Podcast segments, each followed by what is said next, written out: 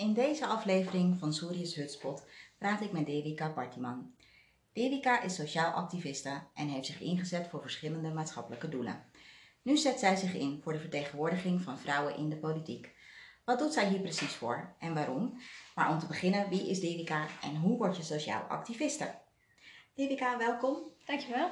Ik ga gewoon beginnen met een heel basic vraag. Wil je jezelf even voorstellen aan de luisteraars? Zeker. Hallo allemaal, ik ben Devika. Ik ben uh, 31. Ik ben opgegroeid in Herengewaard en woon nu in Amsterdam.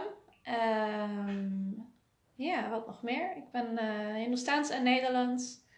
Ik heb ooit evenementenmanagement gestudeerd en uh, ben nu inderdaad activist. Ja. Ja. En hoe word je activist? Vertel. Uh, dat is niet echt een baan waarvan je denkt, nou, dat staat in het. Nee, Als klopt. iemand klein is, zeg je niet, ik word activist. Nee, dat was inderdaad niet de planning. uh, dat ging echt per ongeluk. Ja, dat ging Per echt per ongeluk. ongeluk. Dat was niet een bewuste keuze. Um, ik ben gewoon altijd opgevoed met het idee, uh, zeker als iemand die bicultureel is, van iedereen is gelijk. Maakt niet uit waar je in gelooft, hoe je eruit ziet. Um, en toen ik daarachter begon te komen dat niet iedereen zo dacht, mm -hmm. uh, ja, vond ik dat best wel. Ik bedoel, dat, dat heb je natuurlijk ergens subtiel wel door als je jonger bent. Maar ik was me er pas echt, werd ik me ervan bewust toen ik begin twintig was. Van, oh ja, shit. En wat was dan het eerste waar je mee werd, dat je daarmee werd geconfronteerd? Um, nou, ik denk niet per se het eerste, maar wel wat me bijvoorbeeld is bijgebleven is uh, dat ik door een vriendin van me toen uh, werd meegenomen naar een expositie over de geschiedenis van Zwarte Piet. Mm -hmm. En dat was de eerste keer dat ik hoorde over dat daar iets mee was. Uh, dat er mensen zeiden, hé, hey, dit komt uit een slavernijverleden, het is blackface, um, wij vinden het niet leuk. Ja. En daar schrok ik eigenlijk best wel van. Ik had er nooit bij stilgestaan. Ik had ook een blinde vlek ervoor. En, en niemand had me ooit iets verteld of zo, familie niet. Nee. Dus toen ik daarachter kwam, uh, het is eigenlijk natuurlijk heel logisch. Je, ik hoorde dat en dan kijk je er opeens anders naar. Dan denk je, ja. oh ja, de, je die Ja. pruik. En Ja. eh, dat je, ja, eigenlijk heel logisch, maar ik had het gewoon echt niet gezien. Nee. En uh, ja, dat heeft toen best wel een zaadje in mij geplant van, oh, als ik dat niet weet, uh, ook vooral bij mezelf, van wat weet ik dan nog meer niet? En wat zie ik dan nog meer niet? En ja, En, en wat, wat heb je toen gedaan toen je tot dat besef kwam? En, ik heb mijn vader gebeld. ik heb mijn vader gebeld. Ik zei, pa, uh, ik hoor net van dit. Uh, wist je dit? ja. Wat, wat vind je hiervan? En toen zei hij, ja, ja, ja, dat, dat, weet, dat wist ik wel. En dat hij in zijn studententijd uh, ook wel er tegen had geprotesteerd. En dat hij het ook wel fout vond. En uh, zich ervoor had ingezet. Maar dat hij op een gegeven moment had gemerkt van... Dat uh, de Nederlanders niet wilden luisteren, soort van. -hmm. Dus dat hij het toen heeft opgegeven. En mijn moeder zei later wel van... Ja, we pasten altijd de liedjes aan als we met jullie zongen. En ja, dat heb je natuurlijk niet door als het niet Nee. tegen je verteld wordt. Ja. Dus ik heb mijn pa gebeld, ja. En dat, ja... Ook dat was weer een gesprek dat ik dacht... Jeetje, wat erg dat hij het soort van heeft opgegeven. Ja. Dus ja, dan neem je automatisch uh, blijkbaar het stokje over. Over, ja. Ja. En jij dacht, ik wil er wel uh, iets, of tenminste, ik ga, ik ga er ook voor. Uh, ja, ik heb me toen na een paar maanden ben ik naar een bijeenkomst gegaan dat je vrijwilliger kon worden bij de club die die expositie had gemaakt. Mm -hmm. Toen dacht ik, nou, ik ben wel benieuwd wie dat hebben gedaan en wat je dan kan doen. En ik had een studie die best wel makkelijk me afging, dus ik dacht, nou, ik heb al vrije tijd. En toen ben ik daar vrijwilliger geworden. En daar super veel van geleerd. En gewoon een beetje geholpen met online comments beheren en dat soort dingen. En evenementjes organiseren, maar echt heel klein nog. Maar wel, daardoor kreeg ik zo'n kijkje in wat het betekent om, zeker om zwart te zijn. Mm -hmm. Ja, dus uh, zo inderdaad. En dan, dan, als je eenmaal één ding ziet, dan zie je nog iets. En dan zie je nog Oh, iets. En dan hoor je ja. een, een ander verhaal. En dan zo langzamerhand leer je gewoon steeds meer over wat er allemaal eigenlijk nog mis is. En uh, dan word je vanzelf wel activist. Ja. en krijg je dan, is dat dan, sluit je, heb je, ben je, of tenminste heb je jezelf aangesloten bij verschillende clubs? Of, want wie geeft jou die label van activist? ja, ik bedoel, ook niet iedereen, ja, ook niet iedereen noemt zich zo. Het hoeft ook Nee. helemaal niet. Weet Nee, je, ik, nee. uiteindelijk, als je praktisch kijkt naar wat doet een activist of zo dan, Ja. dan is dat niet per se anders dan wat iemand bij een reclamebureau doet. Nee. Eh, je bent campagnes aan het doen. Weet je, Ja. de ene keer maak je misschien een bord. Ja, En de andere keer eh, ben je gewoon een evenement aan het organiseren. En de derde keer voer je een gesprek met iemand die je probeert te beïnvloeden. ja, Dus eigenlijk is het een soort reclame, maar dan maatschappelijk. ja, ja, en dat kan op allerlei manieren. ja. En in mijn geval, ja, dat begon voor mij heel klein. En dat is nu echt werk geworden. Maar ja. ja, dat is ook niet wat je je erbij voorstelt. Ik sta Nee. niet elke dag op de dam. Soms Nee, wel. Maar Ja, dat is niet het werk, zeg maar. oké. En op de Dam staan, voor welk, voor, voor welk doel heb je, heb je voor het eerst op de Dam gestaan? Oh, voor het eerst. Eh, Geprotesteerd, Ja, keihard, ik denk op ook straat wel- geschreeuwd met borden. En... nou, keihard geschreeuwd, dat heb ik nog nooit op straat. Nee. Nee. Wel eens meedoen met, met lezen en zo, maar... eh, nee, schreeuwen, dat, eh, dat gaat best wel tegen natuurlijk. Hoeft ook helemaal niet. Ja, jij gaat liever het gesprek aan. Ja, of gewoon, je kan ook in stilte lopen. Als je Ja. een bord bij je hebt, dan is de boodschap toch wel duidelijk. Of met z'n allen bent. Ja. Ja, Over het algemeen is schreeuwen niet nodig in mijn ervaring. nee. Het is meer dat je aanwezig moet zijn. Oké. Ja. En dus de Zwarte Piet discussie. eh, Mhm. Maar je hebt ook iets voor asielzoekers gedaan of vluchtelingen in Frankrijk? Of niet? Oh, dat was een. Ja, ik werkte toen voor een. ja, dat, is een beetje, dat was een beetje een raar project. Ik werkte toen voor een project van de Europese Unie. En toen was Amsterdam volgens mij een soort van, een soort van half jaar de hoofdstad van Europa. Dat wisselden ze elk half jaar.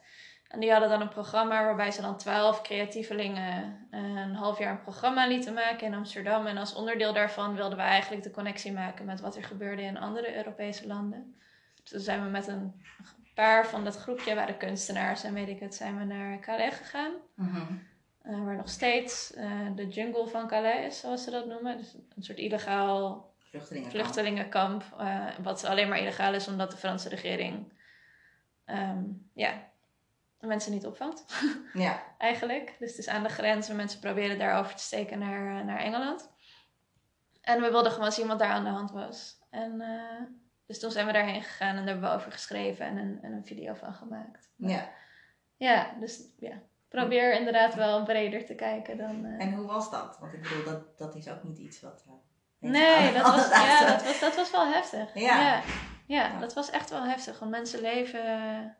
Weet je, we kwamen echt mensen tegen die woonden daar al twee jaar. Ja, Dan zit In je twee jaar ja, in zo'n klote tentje. En af en toe, weet je, het was natuurlijk hartstikke onveilig. Dus af en toe was er dan brand of zo bijvoorbeeld. En dan brandden er zo weer honderd tenten af. En dan moesten ze weer overnieuw beginnen. En er waren veel te weinig toiletten en weet ik het. Dus het was en heel erbarmelijk om te zien. En tegelijkertijd, er was een heel gebied waar mensen gewoon een soort van pop-up restaurants waren begonnen en bakkerijen. Het, werd, het was echt een dorp. Dus het was ook dat je echt zag, wauw, mensen kunnen dit echt soort van opbouwen vanuit het niets. Ja. Maar ik heb daar bijvoorbeeld ook een, een Afghaanse jongen ontmoet, Hello. Die kwam naar mij toe, ehm, omdat hij natuurlijk dacht van hoe wij eruit zagen. Van jullie zijn niet van ja. hier. Ja. Eh, hij vroeg van, eh, ik heb nieuwe schoenen nodig, zei hij tegen me. Want hij had wel schoenen gekregen, maar die waren te klein. En eh, zijn tenen werden heel erg afgekneld. En je had daar in de buurt een soort loods waar je dan eh, spullen kon halen. Maar die deelden het altijd uit. Dus de Ja. vluchtelingen mochten daar niet heen, zij kwamen het dan uitdelen. Ja. Maar ze hadden een hele loods vol spullen en ze deelden steeds maar een klein beetje uit. Dus hij zei, ik ben steeds te laat als ze komen uitdelen voor schoenen in mijn maat. Dan is het alweer op. Ja. Terwijl in die loods was het wel. Dus het was een heel raar systeem. Dus hij vroeg aan mij, misschien kan jij daar vragen of je schoenen voor me mee kon nemen. Dus dat mocht niet. Dus ik ging naar die loods om te vragen, hé hey, luister, die, jullie nemen steeds te weinig spullen mee. Die jongen heeft schoenen nodig. Kan ik het niet even voor hem meenemen naar het kamp? Nou, dat mocht dus niet. Toen dacht ik ook, jezus. Waarom ben je dan aan het helpen Ja. als het zo moeilijk moet? Maar Ja. goed, die vertelde bijvoorbeeld ook dat hij al een paar keer had geprobeerd dan midden in de nacht eh, naar de parkeerplaats te gaan die in de buurt was, waar dan de vrachtwagens parkeerden voordat ze overstaken naar Engeland door de tunnel. En dat ze dan probeerden daarheen te gaan en achterin de vrachtwagen te sneken. En dat was hem één keer gelukt. Dat hij dus in zo'n vrachtwagen aan de achterkant was gaan zitten. En toen had hij zichzelf opgesloten in een koelkast. Ja, die Oh zijn natuurlijk God. luchtdicht. Ja, dus het levensgevaarlijk. Dus dan vertelde hij dat hij bijna was gestikt. Eh, de vrachtwagenchauffeurs weten natuurlijk dat dit gebeurt. Dus controleren vaak hun waar voordat ze weer gaan rijden. Dus was hij net op tijd gevonden, maar anders had hij dood in die koelkast gegeten. En weet je, dat soort verhalen hoorde je gewoon. En dan, hij is inmiddels in Engeland. Het is hem dus uiteindelijk gelukt, maar hij heeft er ook twee jaar, tweeënhalf jaar gewoond of zo. En zijn Ja. familie woonde al in, eh, in Engeland. En die konden gewoon nog toen, eh, toen er oorlog was in Afghanistan, mochten ze naar Engeland toe en hij was net te laat. Ah, ja. Dus daarom moest hij via de hele vluchtroute in zijn eentje. Nou goed, die is nu dus wel veilig daar. Maar ja, hij heeft ook gewoon mensen gezien die eh, op een vrachtwagen sprongen in de hoop dat het lukte en dan doodvielen. En weet je, ja, het was ja, super heftig. Ja. En gebeurt nog steeds. Dus het is ook wel... We hadden zo de neiging, we waren met een busje om soort van mensen gewoon maar de grens naar Nederland over te sneaken. Ja, Weet je, dat doe je dan niet. Want stel dat je Nee, gepakt klopt, wordt en ja. weet je, we weten ook niet wat je dan in Nederland moet. En, maar dat was, ja, je wordt wel even met je neus op de feiten gedrukt dat je ook echt niet overal wat aan kan doen. ja, Dat vond ik ook wel lastig. ja. Je kon daar eigenlijk niks doen. Nee. Maar hoe sluit je dat dan voor jezelf af? Niet? Niet. Nee. Nee. Nee, dat is echt, eh, ja. Heb er nog heel veel aan gedacht in, de- in de maanden daarna. Ja, en ook wel met die jongen contact gehad. Hij had dan Instagram en dan Hm. checkte ik af en toe, eh, gaat alles nog oké? En Ja. leef je nog? ja, ja, ja. Ja, maar ja, je, Maar, ja, je eh, kan eh, verder niks. Nee, Ja, dus het besef dat je dan niks kan doen, of tenminste.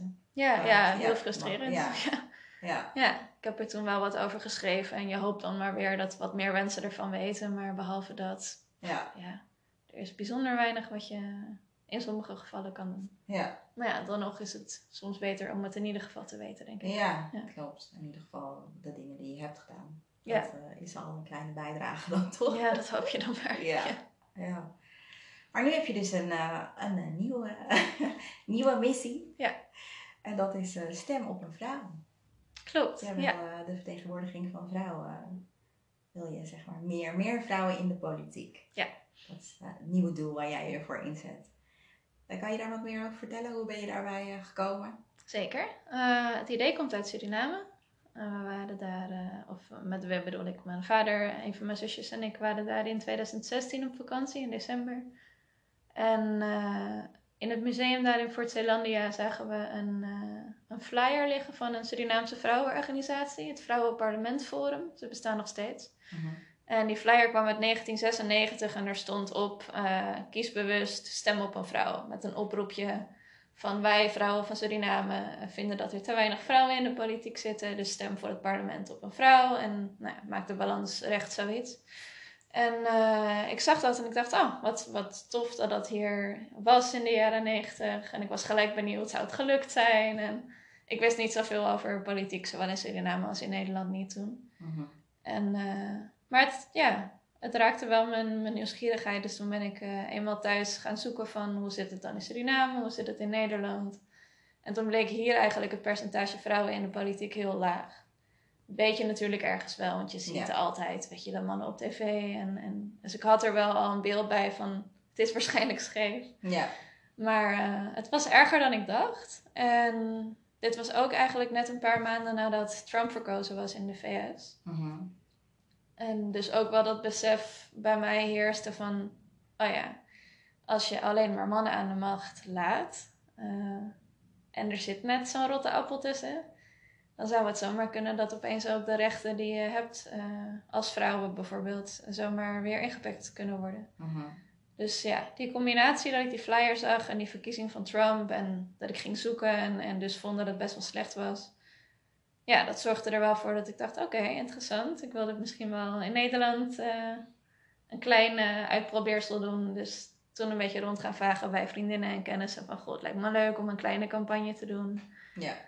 Maar- dat was, dat, in welke tijd was dat? Was dat Eh, dit is ehm, eind 2016, begin 2017. Dus het was net drie maanden voor de Tweede Kamerverkiezingen. Ah, Oké. Ja, Dus de timing was goed. ja, ja.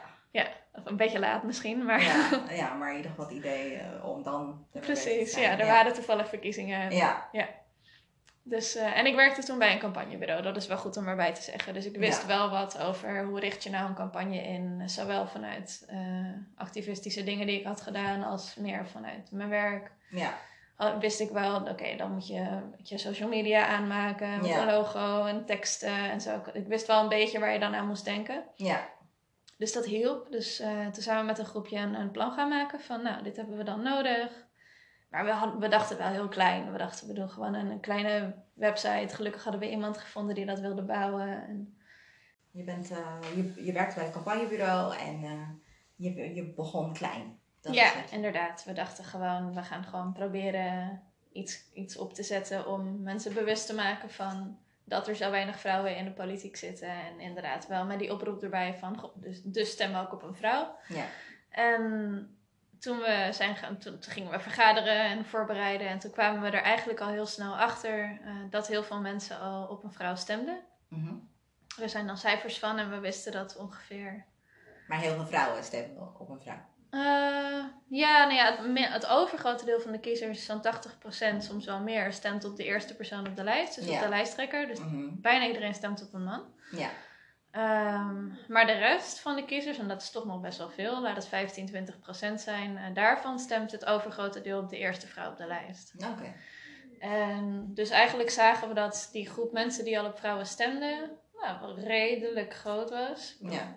En wel impact kon maken, maar allemaal op dezelfde stemden. En dat hielp natuurlijk helemaal niet. Want als je allemaal op dezelfde stemt, dan Ja. heeft de rest van de vrouwen er niks aan. Nee. Eh, dus zijn we daarover echt gaan nadenken van... Oké, maar wat zou je dan moeten doen? Wat moeten mensen dan doen waardoor het wel werkt? En toen kwam een collega met het, eh, met het idee van... Dan moet je mensen oproepen om echt slim te stemmen. En dan op een vrouw die het niet zou halen volgens de peilingen. Ja. Dus stel een partij haalt eh, twee zetels en er staat een vrouw op vier. Ja. Als je op vrouw nummer vier stemt en zij krijgt genoeg stemmen, dan komt ze er alsnog in. Ja. Kan gewoon via voorkeurstemmen in Nederland. Dus dat, nou ja, dat was het idee. Alleen dat betekende dus wel dat we moesten zorgen, zonder dat we wilden zeggen stem op haar. Want we Mhm. hadden niet zoiets van, het is niet aan ons om te zeggen op wie iemand moet stemmen. Ja. Wij zijn niet, Nee. weet ik veel, morele autoriteit ja. of zo. Ja. Ja. precies. Dus we dachten mensen dat moeten alsnog zelf weten. Dus we kunnen ook niet te veel sturen. We kunnen alleen zeggen stem op een vrouw buiten de peilingen. Als je meer vrouwen in de politiek wil. En dan aan de kiezer laten wie ze dan uitkiezen. Ja. En we dachten eigenlijk toen van, ah, maar dan lukt het vast niet. Want dan Nee, gaat want iedereen heeft- zo verspreid Ja, stemmen. klopt, ja. Eh, en toen lukte het toch. Eh, dus dat was een enorme mazzel. Die eerste, of nou ja, mazzel. eh, we hadden het ook wel goed voorbereid, maar Ja. toch. Ja. Ja, die eerste campagne waarvan we dus nog steeds dachten, nou ja, wordt leuk voor de bewustwording, maar het heeft vast niet zoveel effect. Eh, toen kwamen er opeens drie extra vrouwen in de Tweede Kamer. Wauw. Ja, en we hadden echt, eh, ja, we hadden superveel media-aandacht gehad. Eigenlijk al vanaf het begin dat we de website online hadden gezet. Ja. We hadden wel een persbericht uitgestuurd, maar we dachten, ah joh, niemand pikt dit op. Eh, maar blijkbaar was de tijdsgeest Ja. ja, precies. Er Ja. rijp voor en er weer klaar voor. Want eh, ja, heel veel media belden gewoon en wilden er wat over weten. En namen persbericht over. Dus het was ook Maar heel waarom zichtbaar. heb jij dan bijvoorbeeld, want ik bedoel, de- tegenwoordig gaat ook heel erg de discussie over dat vrouwen zeg maar niet eh, de topposities kunnen bereiken of dat ze dan tegen een glazen plafond aanlopen. Of eh, ehm, waarom heb je gekozen voor de politiek en niet het brede debat van Mhm. überhaupt vrouwen in hogere posities? Ja. Ehm, ik denk omdat politiek voor mij het meest tastbare is van waar je nog dingen kan verbeteren voor iedereen. Kijk, als het bij één bedrijf is, is dat ook Ja. heel fijn, maar dan vooral voor dat ene bedrijf. Ja, ja, ja. En de politiek heeft zo'n enorme voorbeeldfunctie en, en neemt allerlei belangrijke beslissingen. Dat ik ook wel. Ja, we zijn ons er allemaal wel van doordrongen binnen het team van Stem op een Vrouw. Van de mensen die over ons beslissen moeten op ons lijken. Ja. En niet allemaal op mij, of niet allemaal op jou, of niet allemaal op degene die luistert, maar op, weet je, op iedereen. Ja. En dan pas krijg je echt een goed gesprek en waarin je iedereen's perspectief en ervaringen meeneemt. Dus ja, Nou, wat denk jij dat, eh, dat de invloed van de vrouw, zeg maar, hoe dat kan veranderen? Ik zou, ik ga niet gelijk Mhm. verbeteren, maar Ja, ja. ik neig ook naar eh, verbeteren. bevooroordeeld. Nou ja, het mooie is, alle onderzoek wat er is op dit gebied toont aan dat het daadwerkelijk beter is voor Ja. de maatschappij. Het is echt meer vrouwen, zowel in het bedrijfsleven als in de politiek trouwens, is eh, beter voor de economie. Ja. Dus de economie gaat beter, beter, er gaat meer aandacht naar zorg, er gaat meer aandacht naar onderwijs. Vredesonderhandelingen zijn, gaan veel sneller en duurzamer. Dus de Mhm. vrede blijft langer als er vrouwen aan tafel zitten. Mhm. Dus het is echt op allerlei vlakken is gewoon bewezen van... Het is echt, weet je, Ja. ja, het is gewoon het is goed voor je portemonnee. Het is goed voor je kind als het op school gaat. Het is goed voor jou als je naar het ziekenhuis moet. Het heeft gewoon op heel veel manieren een positief effect. En dat is denk ik gewoon heel simpel. Doordat je een perspectief meeneemt wat eh, voor de helft van de samenleving Ja. gewoon uiteindelijk geldt. En Ja. daarnaast heeft gewoon, ja, het heeft, politiek schept een, ja, toch een beeld van wat mensen zien als leiderschap. Mhm. En, Maar doet Nederland het dan echt daadwerkelijk zo slecht? Want je zou zeggen, in het kabinet zitten toch wel... Zitten er toch wel er vrouwen... zitten er, ja, er zitten best wel en wat wordt vrouwen. wel ja. volgens mij opgelet in, in de samenstelling van het kabinet. Ja, ook pas sinds kort hoor, pas. Ja, ja, ja, dat is waar.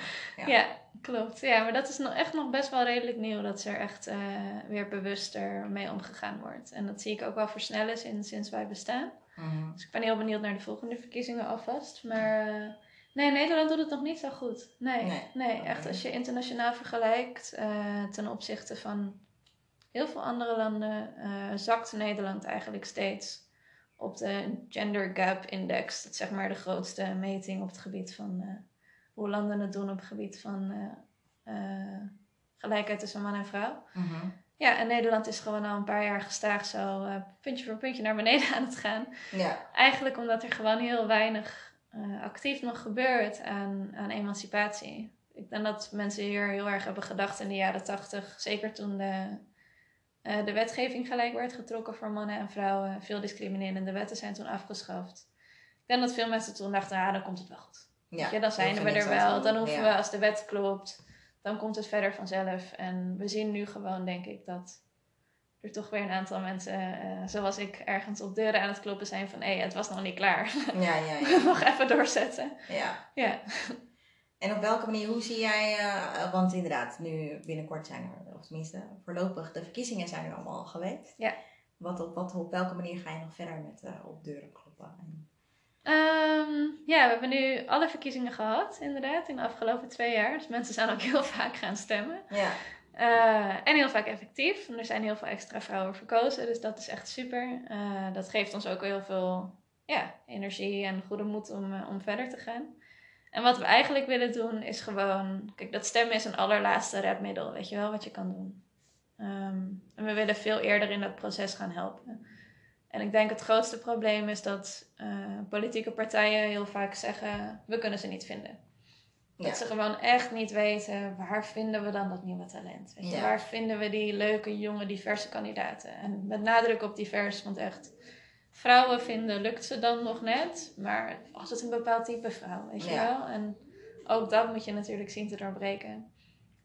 En eh, ik, ik denk dat daar voor ons misschien een taak is weggelegd. Dus dat gaan we verkennen de komende tijd. Of het ons wel lukt om meisjes en ja. vrouwen te vinden die wel maatschappelijk en politiek geïnteresseerd zijn. Maar misschien nog niet weten of ze ergens lid willen worden of hoe politiek werkt. Eigenlijk die stap ervoor. Ja. Er zijn zoveel mensen die niet misschien al weten, ik word lid bij D66, maar die misschien wel denken, politiek lijkt me wel interessant. ja. En als wij ze kunnen helpen dat pad te verkennen zonder dat ze daarna per se iets moeten van ons. Dat, Maar hoe, Ja. hoe zie je dat voor je dan als je dan, want je bent wel neutraal, dus je bent niet Ja. gebonden aan een bepaalde partij. Nee. nee, ik denk dat dat juist heel krachtig is voor ons. Ik denk dat er heel veel mensen zijn die niet per se zich bij één politieke partij thuis voelen. Dus als je bij ons kan beginnen, is dat misschien veel laagdrempeliger als bij gelijk een partij waar je het eigenlijk voor de helft niet mee eens bent. Of dat je niet zo goed weet wat ze ergens van vinden. Ja, Ja, en dan uiteindelijk kunnen we ze hopelijk wel helpen daar een keuze in te maken. Maar Ja. zonder daarin inderdaad heel erg te sturen op wat wij de beste partij vinden of wat dan ook. ja. Ja. Maar moet ik het dan voor me zien dat je dan adviezen geeft of zo? Of hoe ze dan dat pad moeten doorlopen? Of is het dan, welke manier kan je ze helpen dan? Ehm, Of kan je iemand? Ja, kan natuurlijk op 101 manieren. Ehm, dus we gaan de komende tijd echt focusgroepjes doen met, eh, met mensen die, waarvan we denken, die, dat is ongeveer onze doelgroep. Ja. En hen gewoon vragen, wat heb je nodig? Of wat zou je nodig hebben, wat zou je willen leren? En dan gaan we daarmee verder. Maar als ik nu denk aan wat wordt dat bijvoorbeeld, dan denk ik bijvoorbeeld aan zomerkampen of zo. Of eh, weet je, voor, voor, voor meiden. Of Ja. weekendscholen. Of Ja. dat soort dingen. Echt gewoon dagen waarop je samenkomt met andere vrouwen. En gewoon gaat praten hierover. Waarmee je kennis maakt met politici. Een keertje een uitje naar de gemeenteraad maakt. Ja. Gewoon laagdrempelig, eh ja, het wereldje sport, Ja. ja. precies. Dat lijkt me in ieder geval heel leuk om te bieden. En ja, bijna alles waar je meer over leert, wordt vanzelf interessant. ja, dat is waar. Ja, dus ik Ja. hoop dat we dat kunnen bereiken met politiek. Ja. Oké, en, eh, en dit is dan het doel waar je je de komende periode op zal uh, Ja. ja, we hebben nu anderhalf jaar zoiets voor de Tweede Kamerverkiezingen in 2021. Ja. Dus ja, het lijkt mij super als wij over een jaar al zijn het er maar dertig uh, vrouwen echt hebben getraind en enthousiast gemaakt. En dat die zich allemaal melden bij een politieke partij en straks op de lijst staan voor de Tweede Kamer. Ja. Ja, met 30 extra vrouwen zit je wel in de 50-50. Dus ja. het hoeft vaak ook niet eens zo heel groot te zijn om gewoon uh, succes te hebben. Dat is ook zo. Ja. En kan je dan nog een keer even dat systeem uitleggen van wat dan? Dus je zou dan inderdaad op een vrouw die iets lager op de lijst staat moeten stemmen. Ja, het is een beetje complex inderdaad. Ja. Um, dus stel je stemt op, uh, wat zullen we zeggen? Uh, je stemt op GroenLinks. En GroenLinks heeft nu, ik weet niet precies hoeveel zetels, laten we zeggen 15 zetels in de Tweede Kamer. Mm En ze worden gepolst voor, of gepeild voor de Tweede Kamerverkiezingen ook weer op 15. Ja. Gewoon, laten we even makkelijke cijfers gebruiken. Ja. Dan is de kans vrij groot dat ze ongeveer rond dat aantal zetels eindigen. Ja. Um, maar stel, er staat op uh, plek nummer 18 op hun kandidatenlijst uh, een leuke jonge Hindoestaanse vrouw. Ja. En op plek nummer 22 uh, eh, een toffe Caribische vrouw. En op plek nummer 29, weet ik het wat, iemand uit jouw eigen wijk of iemand uit het onderwijs of uit je eigen sector, weet ik het wat. We willen heel graag dat mensen dan daarnaar gaan kijken. Wie vallen er nou eigenlijk buiten? Wie halen het waarschijnlijk niet? En nou ja, dan moet de kiezer daartussen gaan kiezen. Ja. En als je op die vrouwen stemt en zij krijgen genoeg stemmen, dan gaan ze eigenlijk een plekje omhoog uh, ten koste van iemand die anders een zetel zou krijgen. Dus dan gaat die nummer 15, die dan eigenlijk erin gestemd zou worden, die moet opschrijven voor iemand uh, die lager op de lijst staat, maar meer stemmen heeft. Oké. Dus ja. ja. eigenlijk is het een soort WIP-systeem. Ja. En omdat het overgrote deel van de kandidatenlijsten toch nog bij heel veel partijen uit mannen bestaat, is de kans vrij groot. Ja, dat je dan een man Dat het een man is die eruit wipt. Dus dat is natuurlijk ook nog wel wat om op te letten. Het is niet bij elke partij nodig. Nee. Dat is natuurlijk ook zo. Als jouw partij het al heel goed doet, uh, stem dan vooral op je favoriet nog steeds. Weet je wel? Ja. Maar dan hoef je niet per se meer vrouwen erin te stemmen. Nee. Ja. Maar als je partij het nog niet zo goed doet, of je vindt dat het beter kan, of dat ze de, de verkeerde mensen bovenaan hebben gezet. Ja ja, dan stem je op iemand anders. En als genoeg mensen dat doen, dan, dan lukt dat. En ja. Ja, we hebben dus wel echt, nou ja, de laatste twee jaar gezien dat het dus echt werkt. Ja. Oké. Ja. Oké, ik ga het proberen te onthouden. we zetten het ook heel makkelijk oh, op onze site, stemopeenvrouw.nl. Ja. We hebben het heel simpel uitgelegd. Dan hebben we ook altijd alle kandidatenlijsten staan met stippellijntje zodat je weet waaronder je moet kijken en zo. Oh, oké. Ja, dus we, hebben het, we maken het zo makkelijk mogelijk. Ja, ja, ja. Oké, en jij verwacht dat, uh, dat, dat het kabinet het zal wel uit zal zitten en dat we dan uh, op Dat is een ander verhaal. dat weet ik niet. Nee, vind ik zo moeilijk in te schatten. Ik wil, ze zijn nu lekker allemaal op zomervakantie. Ja. Dus de komende maanden hoeven we ons niet druk te maken over dat het kabinet nee, valt. Als ze het doen, gaan ze het daarna doen. Dus dan wordt het in de winter. Mm Als ze de winter doorkomen, dan hebben ze alweer bijna zomervakantie en dan zitten ze hem al uit. Ja. En, wat, en wie, uh, welke vrouw vind jij nu in de politiek, zeg maar, uh, vind jij, uh, geeft jou inspiratie om hiermee door te gaan met dit doel? Um, ja, heel veel wel. Dat is wel echt, toen ik ermee begon, toen kende ik bijna geen politici. En ik wist echt niet zoveel over het wereldje. En nu ontmoet ik er natuurlijk heel veel. Want we trainen ook kandidaten en dat soort dingen. En we organiseren events. Dus ja, ik leer er steeds meer kennen. En dan zie je toch wel van, oh, er zijn echt veel mensen goed bezig. Uh, maar goed, voorbeelden. Ik vind bijvoorbeeld uh, eh, PvdA-kamerlid Kirsten van den Hul echt te gek. Echt zo'n toffe vrouw. Uh, en waarom? Ja, zij, zet zich, zij is de politiek ingegaan omdat ze iets wilde doen tegen huiselijk geweld. Mm heeft ze zelf ook meegemaakt, is ook heel open over. En dus eigenlijk al vanaf het begin is ze daar heel sterk in. En zij is echt, zij is zo'n voorvechter uh, tegen dat soort vormen van geweld tegen vrouwen, maar ook onrecht in het algemeen. En ja, ik vind dat heel bijzonder om te zien, om echt haar pad te zien. En uh, ja, het is toch wel moeilijke onderwerpen hoe ze dat aankaart. En zij werkt heel veel samen met vrouwen uit andere partijen, zodat ze samen op kunnen trekken. En dat vind ik ook heel mooi. Dat zij echt laat zien samen met die andere vrouwen van we zijn het misschien niet altijd met elkaar eens, maar er zijn een aantal dingen waarop we samen optrekken. En dat is onder andere, nou ja, dit bijvoorbeeld, maar ook andere onderwerpen met uh, uh, LHBT-rechten en weet ik het. Dat Ja. vind ik heel mooi, dat zij samen met een andere paar vrouwen in die kamer echt samen laten zien eh, dat ze die verbinding willen maken. Ja. Ehm, en op lokaal niveau, ja, we hebben hier natuurlijk eh, onze allerbekende Tanja. Ja. Die hier in het stadsdeel Zuidoost eh eh, ja. stadsdeelvoorzitter is. Ja. Nou ja, we hebben elkaar een paar keer ontmoet. Ze is een oude vriendin van mijn vaders familie, zoals dat gaat met uh, al die. Ja. Ja. ja. En ja, dat is zo'n, zij heeft zo'n plezier in, vooral in jongeren betrekken. Dat Ja. vind ik heel mooi aan haar werk. Dat zij echt al sinds ze in de Tweede Kamer zat en nu nog steeds altijd met kinderen in gesprek gaat. Altijd met jongeren in gesprek. Ook als ze niet willen, weet je, zij gaat gewoon naar een plein waarvan ze weet dat ze er zitten. En dan gaat ze misschien wel drie keer erheen als ze de eerste twee, keer- twee keer niet met haar willen praten. Of wat dan ook. Gewoon omdat ze echt, weet je, voor, voor de burgers en voor die jongeren wil laten zien van... Er zijn ook politici die wel naar jou willen luisteren. Ja. Ik wil iets met jullie input. Ja, dat vind ik echt tof. Dat is zo'n drive, weet je wel. Zeker met die kids. Dat is zo'n belangrijke doelgroep. Mhm. Dus Ja. dat vind ik heel mooi. Maar ja, zo zijn er echt nog heel veel andere Andere, vrouwen die, ja. Die hele toffe dingen doen. Ja. En zou je zelf nog eh, politiek actief willen worden dan? Is dat iets voor later? Ja, weet ik nog niet. Ik, ga er, ik ben er wel eens. Ik word, de vraag wordt me eigenlijk heel vaak gesteld. Ja, natuurlijk. Omdat je bezig bent om kandidaten te zoeken en Klopt, eh, ja. vrouwen. eh, ja. En ik vind wel, hoe meer ik erover weet, hoe leuker ik het ook echt vind. Ik Ja. vind het echt een interessante wereld. Ik zie ook wel dat je er echt wel dingen kan, kan bereiken en betekenen. Ehm, en laten we wel wezen, het verdient ook nog eens goed. Tenminste, niet Ja. als je in de gemeenteraad zit. Eh, Ja. dat, dat salaris mag wel wat hoger. ja. Dat is een ander verhaal. Maar ook dat werk is volgens mij heel erg leuk.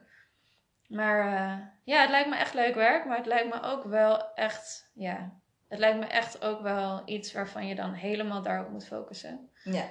En op dit, ge- ja, op dit moment denk ik gewoon... Mijn stichting, weet je, met Stem op een Vrouw krijgen we het voor elkaar... dat niet één vrouw, maar heel veel vrouwen... eh, de politiek ingaan. En als ik dan nu in mijn eentje de politiek inga en geen aandacht meer besteed aan de stichting, Ja, ja, ja. is dat eigenlijk slecht voor het effect. Dus eh, ik sluit het zeker niet uit in de toekomst. Het lijkt me een mooi pad om te verkennen. En misschien vind ik het wel helemaal niks, maar ja, Ja, dan heb je het maar geprobeerd. ja zeker. Ja. Nou, dankjewel, Erika. Jij ook? Thank you.